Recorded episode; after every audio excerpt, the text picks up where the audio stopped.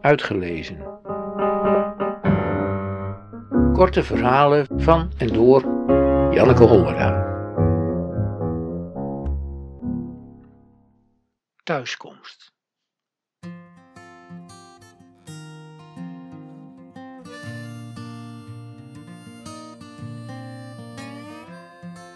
Er is genoeg plek in de stiltecoupé. Ik leg mijn rugzak op de stoel naast me, houd mijn jas aan, want het is koud in de tocht. Ik maak een verslag van de les die ik net heb gegeven. Bedenk nieuwe vormen voor de volgende. Ontspan, mijmer, kijk naar buiten. Donker landschap. In de verte een paar achterlichten. Een verlicht raam. Korte vitrage, een schemerlamp en een vierkante tafel met vier stoelen eromheen. Een kleed op de tafel en een fruitschaal. Iedereen kan vanuit de trein in dat huis naar binnen kijken. Niemand doet het, denk ik.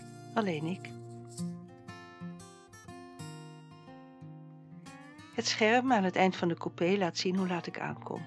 Nog twintig minuten.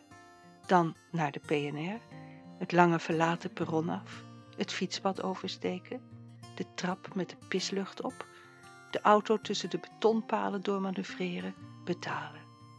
Dik kans dat het weer misgaat. De automaat herkent mijn kaart niet, de slagboom blijft gesloten en via de meldknop zal ik in gesprek moeten met iemand in Heerlen of Maastricht, die mij daar op zijn monitor heeft, die mij kan zien en ik hem niet. En die me zou vragen naar mijn creditcardnummer en de tijd waarop ik ben ingereden.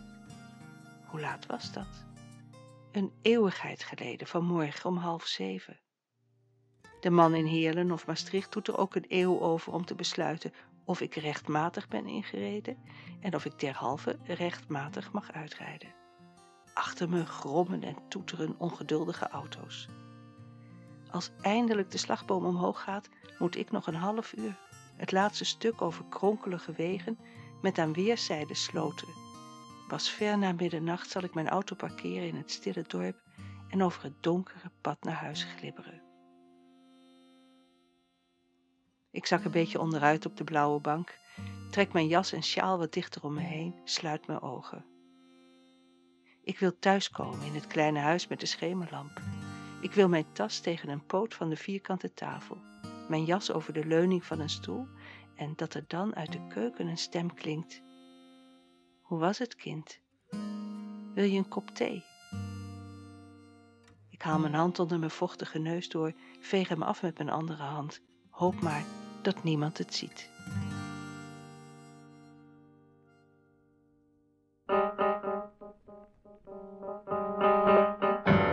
Uitgelezen. Techniek.